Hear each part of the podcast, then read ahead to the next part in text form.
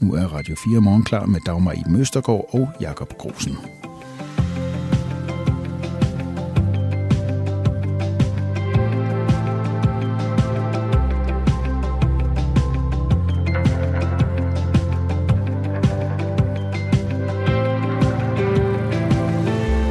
God morgen. Godmorgen. Det er fredags, øh, eller decembers første fredag, Decembers der første fredag. øh, har indfundet sig. Og øh, det her, det er altså Radio 4 morgen, du øh, har tændt for klokken er lidt over 6. Og øh, du skal have tak, fordi du lytter med. Ja, tak. Et pilotprojekt til en eller to millioner kroner. Et sted derimellem som skal teste afværgemetoder. Det er altså, hvad forsvaret de indtil videre har planlagt at sætte ind med over for de omfattende forureninger med PFAS-giftstoffer på forsvarets flyvestationer de næste fire år. Altså 1-2 millioner kroner.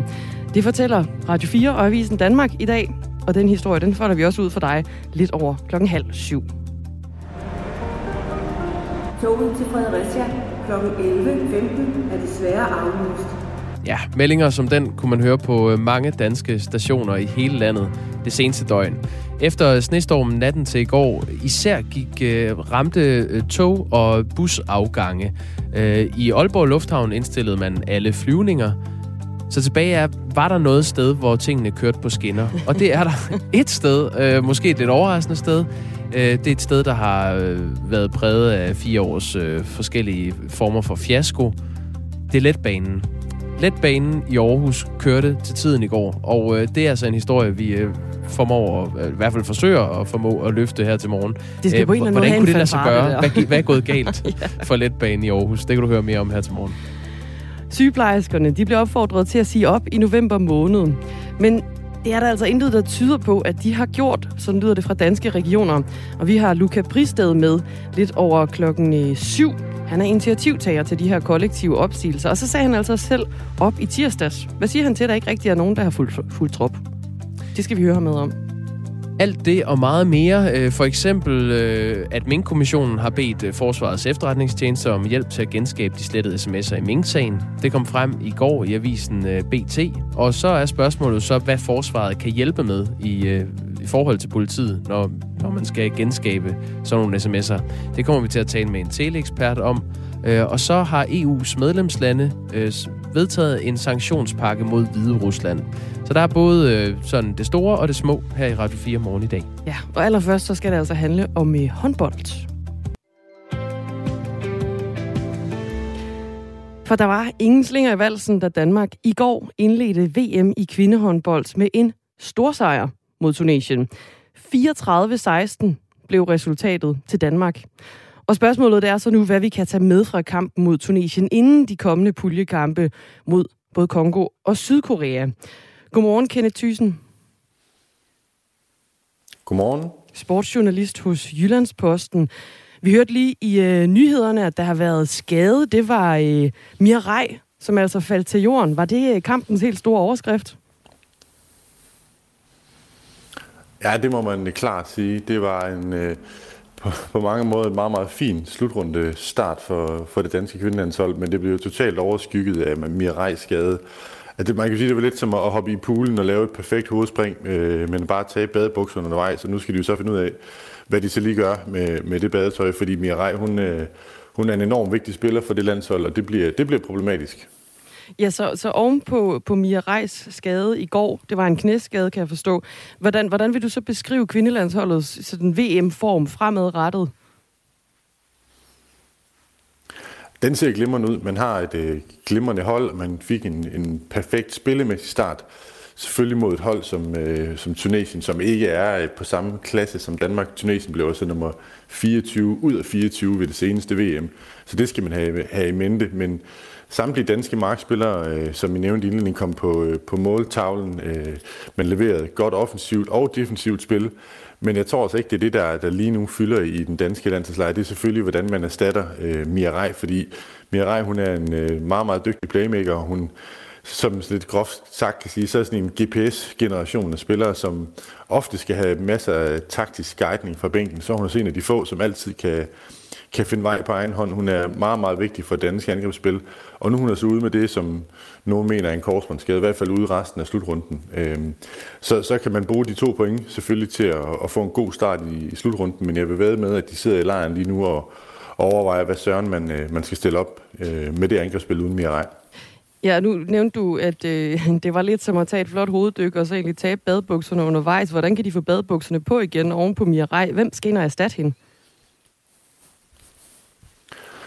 Jeg så i, øh, i, i kampen faktisk et, et dansk landshold, som kom godt tilbage. Det, det er ikke rart at se nogen, øh, hvis, det, hvis det var din kollega, som ligger i, i et hjerteskrigende skrig, øh, eller skærende skrig, øh, efter at have smadret sit knæ, og så på alligevel rejse sig og kunne arbejde videre. Øh, og det formåede de, og det vidner jo om, om moral. Øh, så, så det synes jeg først og fremmest er opløftende. Øh, men, men nu venter der selvfølgelig en proces for at finde ud af, hvordan man erstatter hende. Der er nogen i truppen allerede, Mi Højlund fra Odense kan spille playmaker. Simone Petersen, som spiller i Herning Ikast, hun er slutrundedebutant. Hun kan også øh, varetage den post. Og så kan man jo skifte ud øh, på, eller i truppen, og det gør man selvfølgelig. Og der er der blandt andet en, en Laura Damgaard fra... Øh, som også er med til sidste slutrunde i Herning, som leverede et positivt aftryk, øh, som også er en mulighed. Men det finder vi ud af, øh, givetvis i løbet af dag, hvad, hvad man har tænkt sig at gøre. Og det var altså efter cirka 31 minutter, Mirai, hun øh, faldt til jorden efter et uheldigt sammenstød med landsholdskammeraten Mette Tranborg og pådrog sig en, øh, en knæskade. VM i øh, kvindehåndbold, det spilles i Spanien, og det er fra øh, den 19. Frem til den 19. december startede altså den, øh, den første 32 nationer. De deltager i slutrunden med fire hold i otte indledende puljer, og Danmark er jo så havnet i pulje med Tunesien og Kongo og Sydkorea. I går, hvad var det, der fungerede særlig godt for landsholdet mod Tunesien? Jeg synes, øh, der var flere ting, der fungerede. Forsvaret stod jo øh, ganske udmærket. Øh, jeg synes, en spiller som Katrine Heindal på stregen øh, fungerede glimrende. Øh, hun har et godt samspil med Louise Burgård, der spiller højre bak. De to øh, fungerede rigtig fornuftigt. Jeg synes også, en spiller som Line Havsted øh, præsterede rigtig godt defensivt. Øh, så der er jo mange fine elementer, men det hele det skal så ses i lyset af, at man mødte Tunesien, og det er ikke for at forklare de danske spillere, de kan jo ikke spille bedre, end de gør mod den modstand, de møder, men det er, det er, ikke, det er ikke et voldsomt stærkt hold, og derfor så synes jeg også, man skal passe på med at drage nogle, nogle voldsomme konklusioner øh, i forhold til niveauet. Øh, der skal man møde hold som Frankrig, Norge, øh, Spanien, for at vi virkelig kan se, hvad, hvad Danmark egentlig kan i sådan en slutrunde. Og hvad fungerede så mindre godt? Altså nu kan man sige, der var jo, de, de spillede 34-16, resultatet var ret overvældende, en dansk sejr. Men var der overhovedet noget, der, der fungerede mindre godt, Kenneth Thyssen? Øh, der vil jeg sige hallen. Øh, 200 tilskuere i en, i en kold arena. Øh, det fungerede ikke så godt. Det danske spil, øh, det, er jo, det er jo små ting, som ikke fungerede, men jeg synes, at det for slutrundens hvad skal man sige, størrelse øh, og karakter er ærgerligt, at man afholder VM i, i, i et land som Spanien, hvor der faktisk er en, en, en okay håndboldopbakning, og så ser man til sådan en, øh, en slutrunde premierkamp, hvor Danmark spiller, der sidder knap 200 mennesker, øh, meget, meget få danske tilskuere, øh, i en iskold arena. Øh, det, synes jeg, det synes jeg er et decideret minus. Nu er der så et, øh, et hold, der venter i morgen. Det er Kongo, vi skal spille imod. Hvordan forventer du landsholdet, de, de griber den næste kamp an mod, øh, mod Kongo? Jamen, jeg tror, det bliver en, en opgave på, øh, på niveau med den mod Tunesien. Øhm, jeg, jeg, jeg kan ikke i min vildeste fantasi forestille mig, at det bliver øh, problematisk at vinde den kamp. Øh, så jeg tror, at kampen langt hen ad vejen vil, vil, vil blive en opgave i at få spillet en ny spiller ind som playmaker, i stedet for, for knæskadet Mirai. Hvordan, hvordan det skal løses, øh, hvordan man fremover skal spille, så man, øh, man er klar til de afgørende kampe. Øh, som jeg nævnte tidligere, så den pulje, man er i, øh, det, det er jo mod hold, som ikke er i nærheden af Danmarks klasse. Det bliver ikke noget problem at gå videre. Tre ud af fire går videre. Nu har man vundet den første af de tre kampe. Det kommer man også til i morgen. Så den, den kamp kommer til at få uden at, at, at vinde, så kommer det selvfølgelig til at handle om, hvordan man får spillet det nye angrebsspil sammen uden, øh, uden en af nøglespillerne. Så man kan sige, fra den her pulje, der er der vist ikke rigtig nogen tvivl om, at Danmark egentlig, egentlig går videre, men så møder vi jo så nogle lidt øh, stærkere hold, kan man sige, end, end i hvert fald Kongo og, øh, og Tunesien lyder det på dig, Kenneth Thyssen, sportsjournalist hos Jyllandsposten.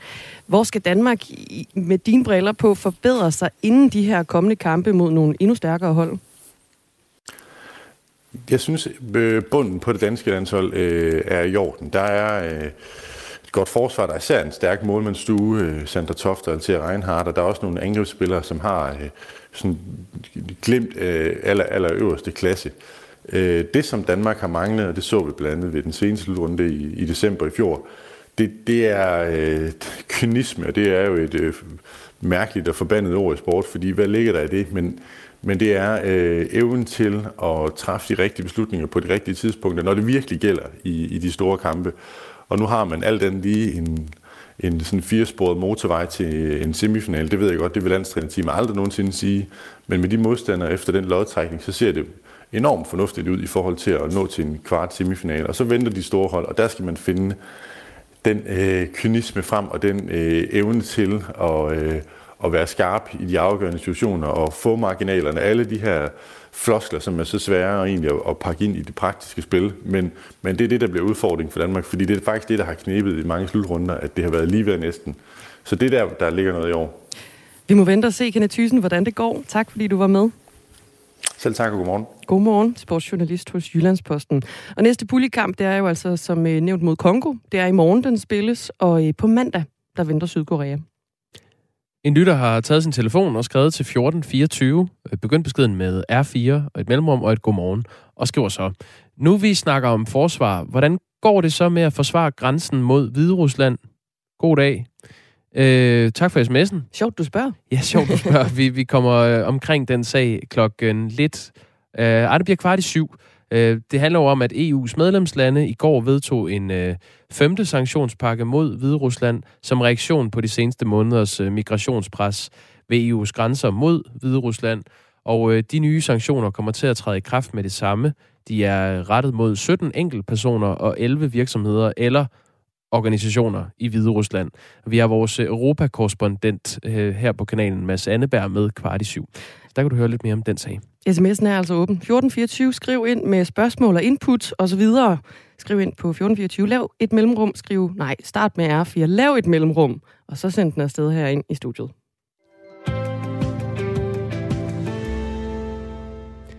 Aflysninger har det seneste døgn præget den kollektive trafik øh, her i Kongeriget Danmark, øh, på grund af vinterværet naturligvis. Det er tog og busser, der er blevet aflyst på tværs af landet. Øh, flytrafikken er blevet indstillet i Aalborg Lufthavn.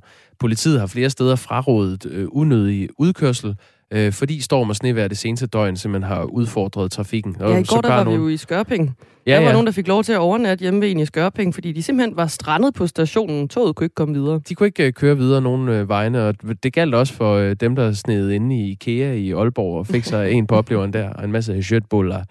Men der er et sted i Danmark, hvor det voldsomme vejr ikke har haft nogen betydning, og det er letbanen i Aarhus. Og det er til trods for, at letbanen i Aarhus har øh, været nødt til at indstille al kørsel tidligere, når der har været frost eller nedfaldende blade. Letbanen oplyser til os her på Radio 4 morgen, at der torsdag ikke har været nogen vejrrelaterede forsinkelser eller aflysninger overhovedet. Vores reporter Louise Fischer tog derfor i går øh, om formiddagen en tur med letbanen for at undersøge, hvor overraskende det egentlig er, at den her ellers øh, skrøbelige letbane har klaret sig igennem landets første snestorm. Toget til Fredericia kl. 11.15 er desværre aflyst. Sådan lyder det lige nu ud af højtalerne på hele banegården i Aarhus. Når man kigger op på afgangstavlen, så er det hver andet tog, der er aflyst, både mod Aalborg og mod København. Men øh, helt anderledes ser det ud lige over på den anden side ved letbanen. Her på spor 0 og 1 på banegården, det er letbanens spor, der vrimler det med mennesker. Hvad hedder du? Karla Hak Jacobsen. Hvordan kan det være, at du tager letbanen? Øh, det går hurtigere. 10 gange hurtigere, end bussen gør i hvert fald. Nu i dag, der øh, kører letbanen jo uden aflysninger, og øh, ingen forsinkelser eller noget, mens det lige over på den anden side ser helt anderledes ud med øh, togene. Hvad synes du om det? Det er jeg da mega glad for, det der øve med togene. Det er typisk dem, der kommer længere fra, men øh, det er fedt med letbanen virker i hvert fald. Jeg skal med den her. God tur. tak. Hvad hedder du? Jeg hedder Marius Carstensen. Marius, hvorfor øh, kører du med letbanen i dag? Og fordi det er øh, let og ubesværet for mig at komme hjem. Nu øh, har man jo de seneste fire år, letbanen har kørt, hørt rigtig meget om, at det ikke går så godt for den. Den kan ikke køre, når der er sne. Den kan ikke køre, når der er blade på øh, skinnerne. Men i dag, hvor der er den første danske snestorm, der kører den det. som det Ja. eneste. Ja, ja, og altså, det er også vildt overdrevet med, med øh, problemerne, synes jeg. Uh, altså, vi er, er vældig tilfredse med, med uh, betjeningen, så det er et uh, løft til Aarhus. Synes du, at letbanen bliver talt lidt for meget ned, når det gælder alle de her udfordringer? Absolut. Uh, altså, der, vil, der sker selvfølgelig uheld og ting og sager, men altså, generelt så kører det jo rigtig fint. Overrasker det dig, at letbanen kører så godt i dag, nu hvor der har været snestorm over landet? Nej, nu har de jo fået noget tid til at få tingene øh, sat på skinner, så det, det overrasker mig egentlig ikke. Selv øh, firbenede passagerer nyder godt af, at øh, letbanen i dag kører uden øh, de store forsinkelser og uden aflysninger. Goddag med dig. Må jeg forstyrre dig et øjeblik? Hvad hedder du? Jeg hedder Annette. Annette, hvad hedder din søde hund, du har med? Den hedder Bitti. Kører den tit med letbanen? Nej, ikke letbanen med bus. Det er første gang, vi skal prøve letbanen ud til min datter. Hun bor ude i Skøstrup. Hvorfor tager du letbanen derud? Jamen, fordi den holder der, hvor hun bor. Det er så nemt. Lige uden for døren. Hvad- betyder det så for dig at køre med letbanen på en dag, hvor der øh, er, har været snestorm over hele landet? Og jeg er lidt nervøs for, om den kører. der har været så mange uheld med den, ikke? Øh, Så har der været is på skinnerne deroppe og sådan noget, ikke også? Altså, så, så jeg var noget spændt på at komme ud og prøve at køre med den første gang. Linje 2 mod Lystrup. Er det i orden, jeg sætter mig her ved siden af dig? Ja, ja. Hvad hedder du? Jeg hedder August. Hvor skal du hen med letbanen i dag? Jeg skal op til Universitetsparken. Hvor ofte tager du letbanen? Jeg tager letbanen. Jeg tror, jeg tager den måske 3-4 gange om ugen eller sådan noget. Det er lidt sådan afhængigt af vejret. Hvis det ja, regner i dag, så er det jo helt vildt. Så, så tager jeg letbanen. Og hvad er din oplevelse sådan generelt af letbanen og, og den måde, den kører på? Altså, øh, jeg har en generelt sådan positiv oplevelse med det. Jeg synes, det er vildt lækkert. Øh, det, det går ret hurtigt øh, i forhold til sådan bussen. Den skal ikke stoppe nogen steder. Men altså, ellers så, den kører jo ofte, så det, så det er sådan set det er fint nok. Der har jo været mange historier gennem de fire år, den har levet om, at øh, den ikke kunne køre på grund af is på køreledningerne og øh, blade på køreskinnerne osv. Har du oplevet nogle af de udfordringer? Øhm, nej, jeg har ikke selv været ramt af det. Jeg har godt hørt om det. Øhm, at den ikke kunne køre op ad Nørrebrogade, for eksempel. Øhm, man tænkte, det var, det var da underligt, at man ikke kunne lave en letbane og kunne køre i frostvejr. Det synes jeg var det, lidt, lidt mærkeligt. Letbanen er en af de eneste transportmidler, der kører efter planen. Både fly og busser og tog er aflyst. Jamen, det er da fantastisk. altså, det kan lade sig gøre. Øhm, ja, jamen, det er, jo, det er jo bare fedt at have et transportmiddel, som er pålideligt. Kunne man foreslå, at letbanen får sig et nyt motto i øh, sne og slud? Kører letbanen ud? Det er da et godt forslag. Ja, ja, kom med det. Det er bedre, end øh, at det skal være Jørgen Let, der ligesom er frontman på det her. Hvad hedder du? Jeg hedder Freja Ankerstjerne. Det er første gang, du kører med letbanen, hvor der er sne. Havde du der nogle betænkeligheder i morges, inden du skulle med den? Nej, det havde jeg faktisk ikke. Jeg tænkte bare, nu måtte jeg prøve og se, hvad der skete. Mm. Ja. Kører den, så kører den. Ja. Så er det ikke sådan, du tænker, at det er en lodseddel, øh, når du tager afsted om morgenen? Mm, Er det ikke altid det med offentlig transport og, og alt? Der kan jo ske alting. Ja. Aarhus Hovedbanegård. Toget kører ikke videre. Og det var altså på en dag, hvor øh, offentlig transport i store dele af landet var ramt af, af storm og snevejr og dermed aflysninger. Der formåede letbanen i Aarhus altså at klare sig igennem. Og det var jo øh, måske på en, lidt overraskende baggrund. Louise Fischer havde kørt med letbanen i Aarhus. Efter klokken øh, halv ni kommer vi til at tale med Michael Borger, som er øh, letbanens øh, direktør i Aarhus, om at letbanen nu måske endelig er lykkedes med at øh, knække koden til, hvordan man kan køre i det danske vintervejr. Lige nu er klokken øh, 24 minutter over 6. Du er velkommen til at skrive ind på 1424. Start beskeden med R4 et mellemrum. Her i studiet er øh, Dagmar Ib Møstergaard og Godmorgen. Jakob Grusen. Godmorgen. Min kommissionen har nu bedt Forsvarets efterretningstjeneste om hjælp til at genskabe de slettede sms'er i Mink-sagen. Og det er altså fordi, det ikke er lykkedes politiets teknikere at genskabe dem.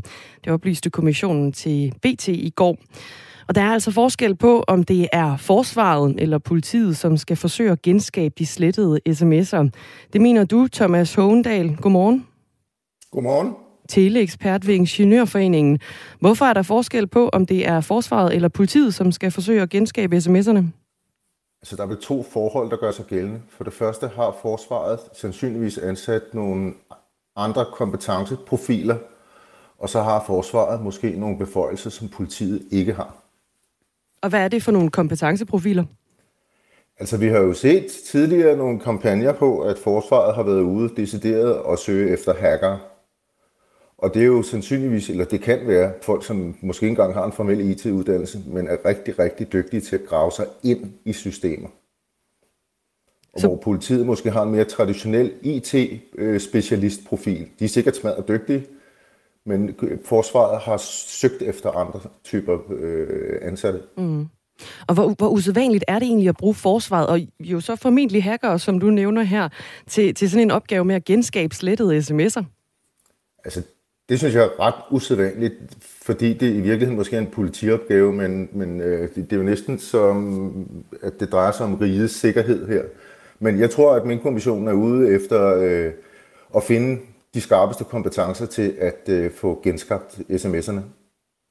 Forsvarets efterretningstjeneste de skal altså forsøge at genskabe slettede sms'er, og det er jo fra statsminister Mette Frederiksen, hendes departementschef Barbara Bertelsen, stabschef Martin Justesen og departementsråd Pelle Pape.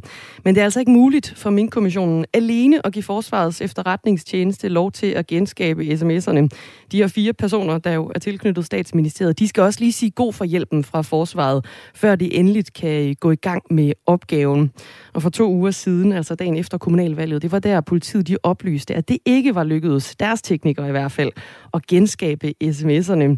Thomas Håndal, hvor stor en chance øh, er der med forsvarets hjælp for, at de her slettede sms'er, de så rent faktisk kommer til at se dagens lys?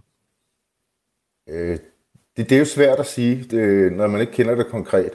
Øh, nu er det jo også sådan, at vi taler om sms'er, men der er jo mange andre beskedtjenester.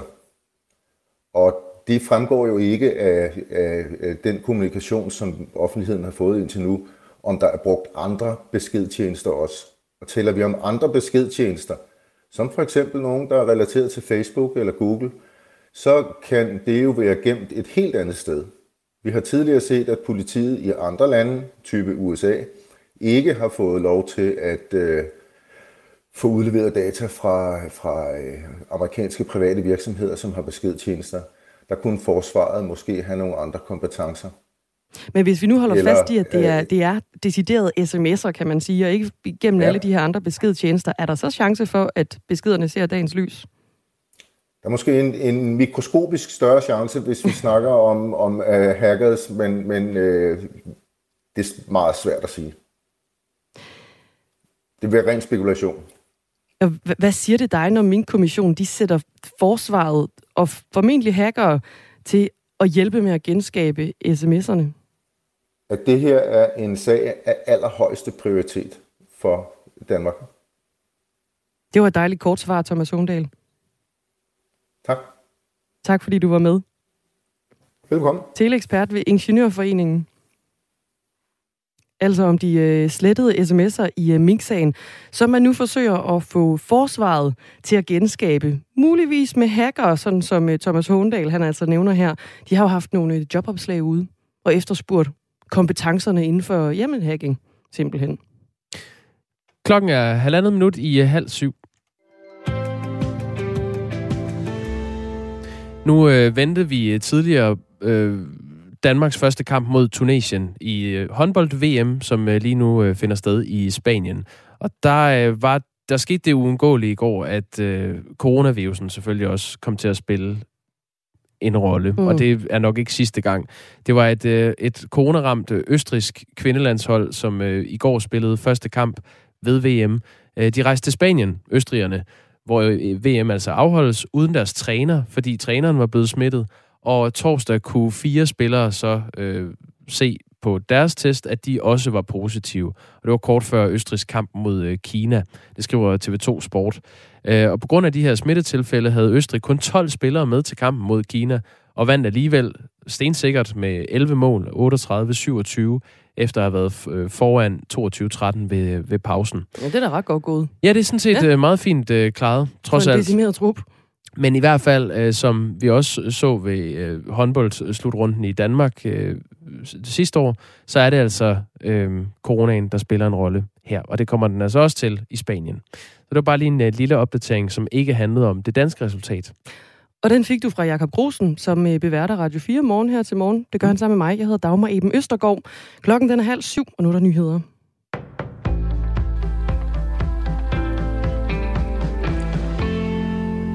Flyselskabet SAS genindfører krav om mundbind på sine skandinaviske ruter. Kravet vil træde i kraft mandag den 6. december, det oplyser SAS i en mail til det svenske nyhedsbrug TT. Når de skandinaviske myndigheder nu begynder at genindføre krav og anbefalinger vedrørende brugen af mundbind, genindfører SAS også kravet for alle flyvninger som en sikkerhedsforanstaltning, skriver flyselskabet. Kravet blev fjernet i midten af oktober i forbindelse med, at de skandinaviske lande løbende ophævede coronarestriktionerne. Det forblev dog stadig et krav at bære mundbind på SAS' fly uden for Skandinavien. Det har været obligatorisk siden maj 2020. I begyndelsen af denne uge vendte mundbind og visir også tilbage visse steder i Danmark. Det gælder blandt andet i den kollektive trafik og supermarkeder. Årsagen til flere og til tider omfattende strømafbrydelser de seneste dage i den grønlandske hovedstad Nuuk er fundet, det oplyser direktør i energiselskabet Nukis Siofit, Kasper Mondrup til det grønlandske medie Samit Ifølge direktøren er det et bånd, der holder strømkablerne sammen, der er begyndt at travle op. Det har resulteret i, at kablerne løsner sig og støder sammen og dermed forårsager flere strømafbrydelser, herunder en strømafbrydelse i alle Nuuks bydele mandag aften. Kablerne skal nu skiftes, så det kan tage dage eller uger, før situationen er normaliseret, siger Kasper Mondrup til Samit De kabler, der skal skiftes, ligger på landjorden og kan repareres lokalt, men reparationen er omfattende, og det kan tage dage eller uger, før vi kan få stabil elforsyning fra vandkraftværket i Buksefjorden, siger direktøren. I går opfordrede Grønlands politi borgere i Nuuk til fortsat at spare på strømmen. Opfordringen kom i et forsøg på at undgå overbelastning af byens nødkraftværk. Vaskemaskiner, radiatorer og ovne bruger rigtig meget strøm, så udsæt alt den vask og madlavning, der kan vente til senere, og sluk for radiatorer i de rum, der ikke bruges, skrev Grønlands politi. Det første nedbrud begyndte omkring kl. 23 mandag og førte til en række forstyrrelser tirsdag. På et tidspunkt var al telefoni i Grønland nede. Det skyldtes et nedbrud i et datacenter, som gik ned på grund af strømafbrydelsen. Der er blevet fundet fem tilfælde af omikron-varianten af coronavirus i den amerikanske delstat New York. I går konstaterede USA sit andet tilfælde af omikron-smitte i delstaten Minnesota, efter at en person tidligere på ugen blev konstateret smittet med den nye variant i Kalifornien. I Minnesota skulle der være tale om en mand, der netop havde deltaget i en konference med 50.000 deltagere i New York City. Efter den konference rejste manden hjem til Minnesota, hvor han blev testet positiv for omikron-varianten. Sundhedsmyndighederne i New York forsøger nu at få kontakt til tusindvis af andre, der deltog på konferencen, for at få dem til at blive testet. En region i det vestlige Kanada har registreret rekordhøje vintertemperaturer. I byen Penticton i British Columbia blev der således målt hele 22,5 grader onsdag, det oplyser vejrtjenesten Environment Canada. Penticton ligger nogle få hundrede kilometer sydøst for byen Lytton, der tiltrak sig international opmærksomhed i sommer ved at sætte varmerekord på 49,6 grader. Få dage senere blev byen ramt af en omfattende skovbrand, der kostede mindst to livet. Provinsen British Columbia led også under historiske varmetemperaturer i sommer. Under de usædvanligt høje temperaturer, der er forbundet med klimaforandringer, blev varm luft fanget af højtryksfronter over det vestlige Kanada og det vestlige USA. Først spredte sne, slud eller regnbyer med mulighed for lidt sol, men i løbet af formiddagen kommer der udbredt nedbør ind vestfra, mest som regn og slud. I vendsyssel dog mest som sne. Temperaturerne stiger i løbet af dagen op til mellem frysepunktet og 5 graders varme, og det bliver efterhånden noget diset. Der er risiko for stedvis sne og isglatte veje. Det var nyhederne på Radio 4 med Thomas Sand.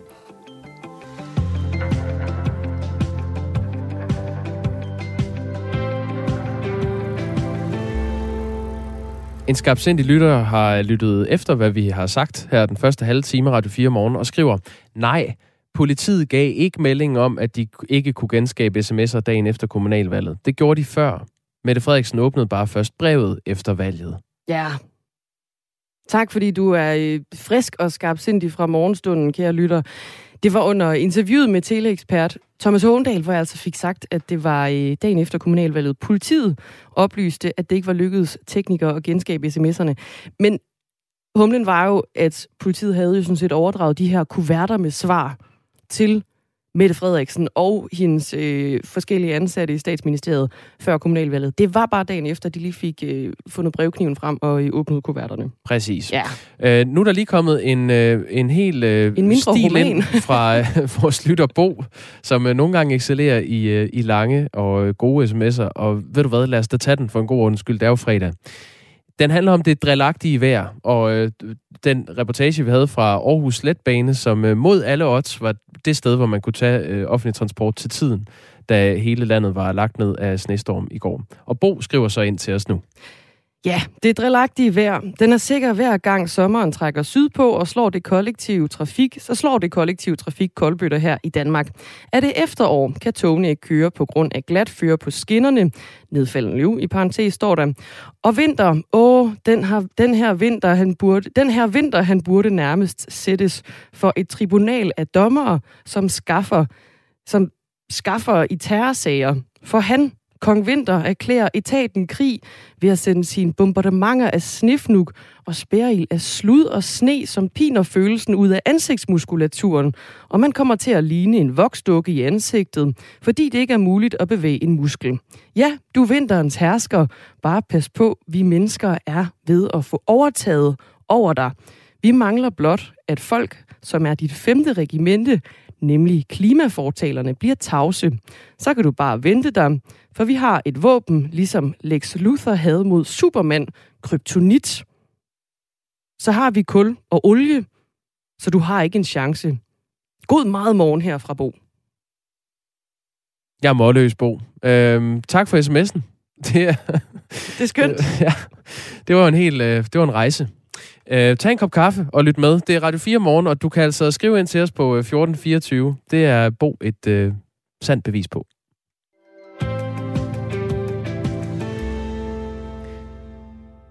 Jo hurtigere der gribes ind over for en forurening, jo færre og mindre tiltag vil være nødvendige.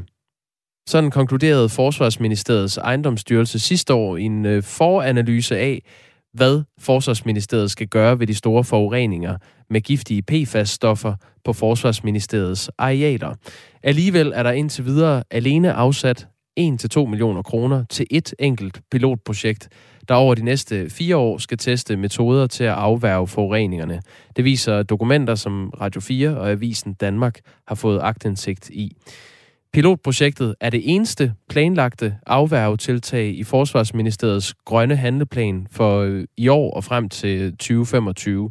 Og det møder skarp kritik fra eksperter, fordi forureningerne flere steder allerede har spredt sig til grundvandet. Vi har fået besøg her i øh, vores studie af Søren Meier Jensen, som er journalist på formatet Radio 4 undersøger og sidder tungt på den her dækning af PFOS. Godmorgen, Søren. Godmorgen. Hvad går det her pilotprojekt mere konkret ud på? Det handler simpelthen om, at Forsvarsministeriet og Ejendomsstyrelsen, de skal have viden om de teknologier, der er til rådighed. Fordi en af de ting, som vi også har sagt flere gange, det er, at når de her stoffer for eksempel kommer i grundvandet, så spreder de sig jo, og så breder forureningen sig. Det vil man jo gerne undgå. Men Forsvarsministeriet, i det her pilotprojekt, der vil de gerne have mere viden om det. For eksempel, hvordan kan man inddæmme det, så det ikke spreder sig? Kan man pumpe det op og rense det? Fordi der er nogle teknikker, men de her teknikker, de skal altså afprøves i pilotprojektet. Pilotprojektet er jo en del af, af den grønne handleplan, som du også er inde på, altså fra 2021 og frem til 2025. Og det er, det er et pilotprojekt, der, er, der skal gennemføres over handleplanens fireårige øh, tidsperiode her, og der er afsat 1-2 millioner kroner øh, til at teste dem, afværge metoderne. Øhm, er, det, er det ikke meget godt at få gjort de her afværgeteknologier endnu bedre egentlig? Jo, det er jo altid godt at få bedre teknologier, tænker jeg. Det siger eksperterne egentlig også til os. Problemet er bare, ifølge eksperterne, at der allerede er nogle store forureninger, som er veldokumenteret. Det er dokumenteret, at de spreder sig. Og, det er også, øh, og der er lavet nogle risikovurderinger, som viser, at det faktisk også truer øh, grundvand og, og drikkevand osv. Så, videre. så det eksperterne siger, jamen, der er god mulighed for at gå i gang, og her peger de særligt på flyvestationerne, fordi det er her, de har de største forureninger, og det er meget veldokumenteret. Og der er ikke indført afværgetiltag, der skulle bremse øh, den her spredning tidligere.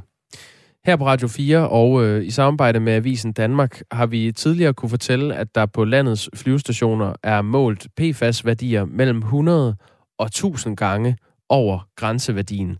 Men øh, der er ikke blevet gjort noget for at bremse eller afværge forureningerne i at sprede sig. Og det er så på trods af, at øh, ejendomsstyrelsen selv har vurderet, at forureningerne truer grundvandsressourcen, overfladevand og internationalt naturbeskyttede områder. Lad os lige prøve at høre, hvad øh, eksperterne siger. Øh, vi starter med sektionsleder og lektor i miljøkemi på Københavns Universitet, Bjarne Strobel. En lille del af løsningen er jo altid at optimere sine metoder, øh, men det ændrer jo ikke ved, at man, øh, at, at man ligesom skal bruge de kendte metoder til at tage det helt store øh, slæb med at få fjernet eller stoppet spredningen her nu. Det var så Bjarne Strobel, som er sektionsleder og lektor i miljøkemi på øh, Københavns Universitet. Og Philippe Grandjean er professor i miljømedicin ved Syddansk Universitet og siger, at, nu citerer jeg ham, det er uacceptabelt, at Forsvarsministeriet i stedet for at gøre noget ved problemet og forureningerne, vil lave et pilotprojekt, som er meget langvarigt og som handler udelukkende om at undersøge metoder. Der findes allerede detaljerede erfaringer fra andre lande, siger altså Philippe Grandjean. Øh, hvad er det for nogle erfaringer, andre lande har gjort sig på det her område, Søren Meyer Jensen? Vi har i, i vores dækning, og det eksperterne peger på, det er særligt i Norge, øh, fordi der er det også på deres flyvestationer, de har de største PFAS-forureninger. Og her har man altså tidligt været i gang, øh, og, og, og det er meget Norge, som eksperterne peger på i forhold til, altså her har de været i gang, her er der nogle erfaringer, og de har brugt nogle velkendte metoder, som vi også kunne tage op her hjemme i Danmark. Og de er allerede begyndt at afværge? Ja, det har de gjort siden øh, 2012, mener jeg, i mindre omfang. Og så fra 2018 og frem, så sætter de tryk på, hvor de begynder at grave en masse forurenet jord op. Nu nævner du 2018. Øh, ifølge de tal, jeg har her, så har man øh, i Norge siden 2018 deponeret 75.000 ton jord og sat flere anlæg op, netop for at kunne rense øh, grundvandet. Og øh, Ejendomsstyrelsens norske pendant, øh, Forsvarsbyg, vurderer, at de har brugt, hvad der svarer til 37 millioner danske kroner øh, på det, der hedder Rygge flyvestation, den mest øh, udsatte af de norske flyvestationer, når det kommer til, øh, til PFAS.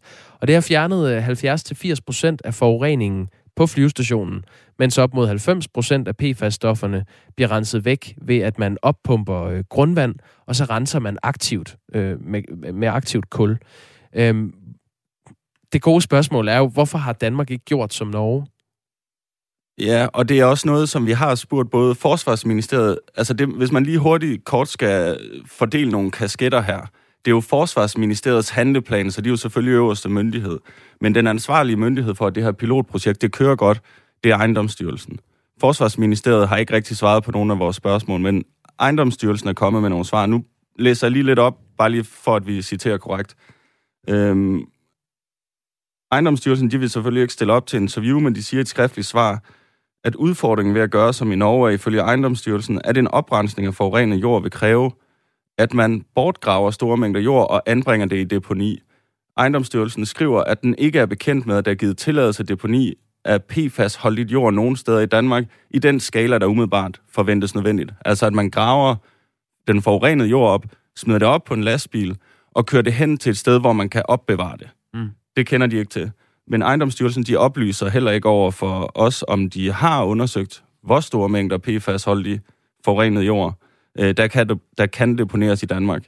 I forhold til det her med at rense vand, der skriver ejendomsstyrelsen, eller siger om rensning af vand, øh, at man først nu er ved at nærme sig metoder, der ikke skaber andre problemer end dem, de løser.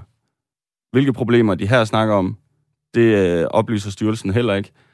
Men styrelsen, altså Forsvarsministeriets ejendomsstyrelse, har selv tidligere vurderet, at oppumpning og rensning af forurenet grundvand er effektivt, men omkostningstungt. Så det er lidt uklart, hvad det er for nogle problemer, de henviser til, men det er i hvert fald derfor, at man ikke har gjort som i Norge, ifølge Forsvarsministeriets ejendomsstyrelse.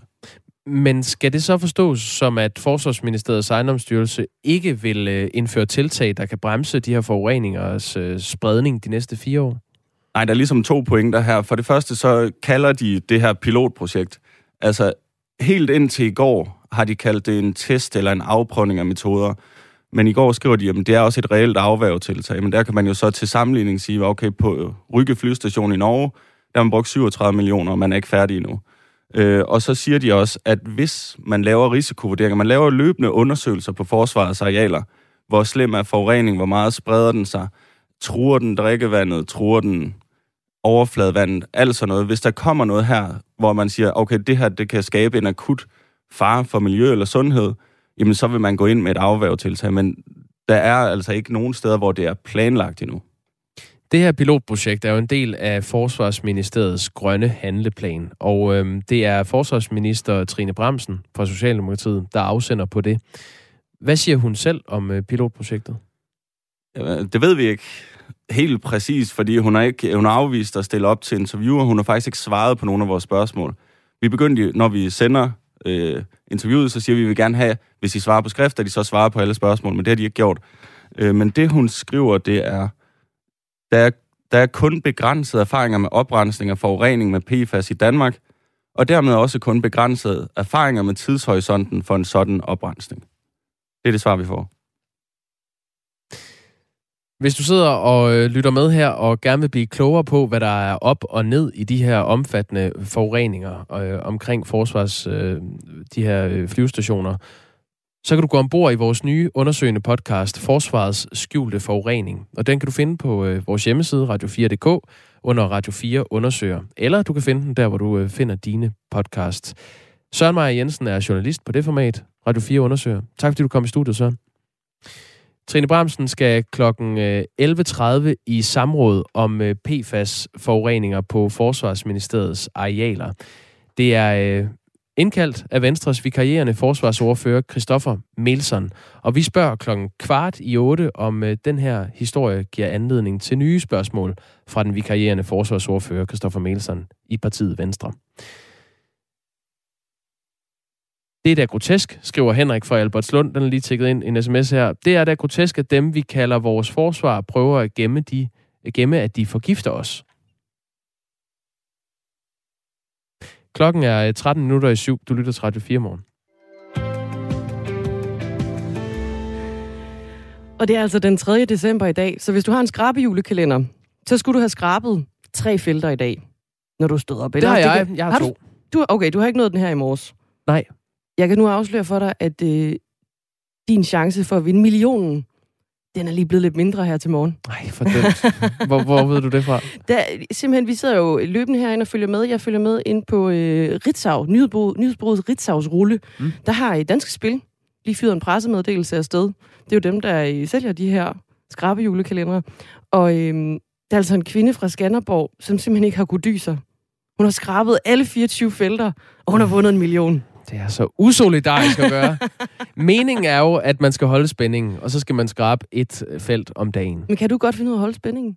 Jamen, jeg er faktisk utrolig dårlig til det. Jeg samler lidt, lidt til bunke. Lige okay. nu har jeg for eksempel kun skrabet øh, første søndag i advent. Godt, så, det er sådan, så jeg er lidt på bagkant. Så det er sådan lidt søndagshygge, du Jeg ødelægger ikke spændingen for nogen, lad os sige det sådan. Nej, okay. Men tillykke til den øh, vindende kvinde. Ja, altså, og hun øh, er anonym, så vi ved ikke, øh, ikke hvem hun, øh, hun er, men hun har altså vundet en million. Hun skrabede 10 juletræer den kender de fleste vist efterhånden. Det er blevet sådan lidt en, en danskersport, den her med at have en skrabe julekalender, ikke? Ja. Ja. Jeg har altså ikke fået en i år. Det kan være, jeg skal have sådan en. Ja, det kan du nå endnu. Men der ja. er jo så færre muligheder for at vinde millionen. Er det? jeg kan godt forstå, men det er jo altid det der med, så har man ni juletræer, når det bliver den 23. december. Og det er jeg kan godt gang. forstå, hvis man har valgt at gå planken ud og sidder der med sin mønt og bare skraber løs. Men jeg kan, ikke, jeg kan ikke tælle på to hænder, hvor mange gange jeg har siddet med ni juletræer den 24. og været sådan lidt, åh, oh, fuck. Nej, det er sjovt, hvordan det altid ender sådan. Ja. Okay, jamen danske spil forsøger at holde øh, spændingen, men det har kvinden fra Skanderborg så forpurret lidt. Ja, der, men der er stadig muligheder. Sige, der er stadigvæk muligheder jo, fordi øh, der er hvert år øh, 5 millioner, der uddeles. Der er ja. fem chancer for at vinde en million, og altså få de her øh, 10 savnomsbundne juletræer. Så der er stadigvæk øh, chancer også for dig, Jacob. Let's go. Øh, klokken er 11 minutter i øh, syv, og ja, der er stadig øh, muligheder, selvom vi kun skriver den 3. december.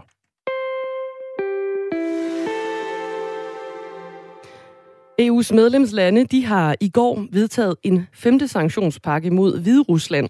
Og det sker som en reaktion på de seneste måneders migrationspres ved EU's grænser mod netop Hvide Rusland. Og de nye sanktioner her, de træder i kraft med det samme. De er rettet mod 17 enkeltpersoner og 11 virksomheder eller organisationer, der har medvirket til migrationspres ved EU's grænser mod Hvide Rusland. Mads Anneberg, europakorrespondent på Radio 4. Godmorgen. Godmorgen. Hvorfor indfører EU de her sanktioner? Øh, jamen, det er jo rimelig simpelt. Altså, fordi man rigtig, rigtig gerne vil have Hvide Rusland til at holde op med at jamen, nærmest sende flygtninge og migranter over grænsen til EU. Øh, at det er alle egentlig ved at være ret godt træt af her efterhånden. Og, og, og det, som man skal huske selvfølgelig, det er, at det her det er EU's femte sanktionspakke øh, siden valget sidste år, øh, sidste øh, sommer. Og man kan sige, hvis ikke den fjerde pakke øh, væltede læsset og fik øh, Lukashenko, altså præsidenten i Hviderusland, til at mærke ret, så er det måske heller ikke den, den femte, der, der kommer til at gøre det. Men man gør det altså for at opretholde presset på ham og på de hviderussiske, øh, på de hviderussiske styre, og for at sende et, et signal, og måske også ja, for at gøre livet lidt, lidt sværere for dem. Så der har været 1, 2, 3, 4 og nu 5, øh, kan man sige, øh, modsvar mod Hvide Rusland i form af, af sanktioner fra EU. Den her femte omgang, hvad kommer de til at betyde? Jamen altså noget af det mest konkrete er, at i, i mange måneder nu, så har det hvide russiske flyselskab, det hedder Belavia, øh, fløjet migranter til Hvide Rusland fra Afrika og Mellemøsten, hvor det så er meningen, de skal søge op mod EU's øh, grænser. Og man skal tro, det er løgn, men det har de blandt andet gjort med fly, som de har leaset i EU. Øh, I Irland øh, for det meste, øh, for at være specifik. Men fordi at Belavia, øh, flyselskabet, nu bliver sanktioneret, jamen, så må de her selskaber heller ikke længere lease fly ud til, til Hviderusland. Så, så det begrænser ligesom kapaciteten lidt for, hvor mange de kan få til Hviderusland, så at sige. Mm. EU's medlemslande de oplyser, at øh, sanktionerne blandt andet rammer fremtrædende medlemmer af Hvide Ruslands højeste ret. Det er også højtstående medlemmer i, eller sådan embedsmænd i, i Lukashenkos styre, der bliver ramt. Og så har de desuden også rettet mod selskaber, som netop det her hviderussiske flyselskab Belavia, du altså nævner her, Mads Anneberg, og mod rejsearrangører og hoteller, som har medvirket til, til presset på, øh, på grænserne mod EU. Og sanktionerne, de kan for eksempel være en indfrysning af midler, det kan være indrejseforbud i EU, eller at handel med en eller anden given virksomhed bliver droppet. Efter indførelsen i går, der sagde Danmarks øh, udenrigsminister Jeppe Kofod sådan her, de gør ondt. De lægger pres på Lukashenko og hans håndlanger. De gør ondt på ham, og det er også det, de skal. Men det er jo femte gang, så altså, hvor ondt kan det lige gøre nu med Anneberg?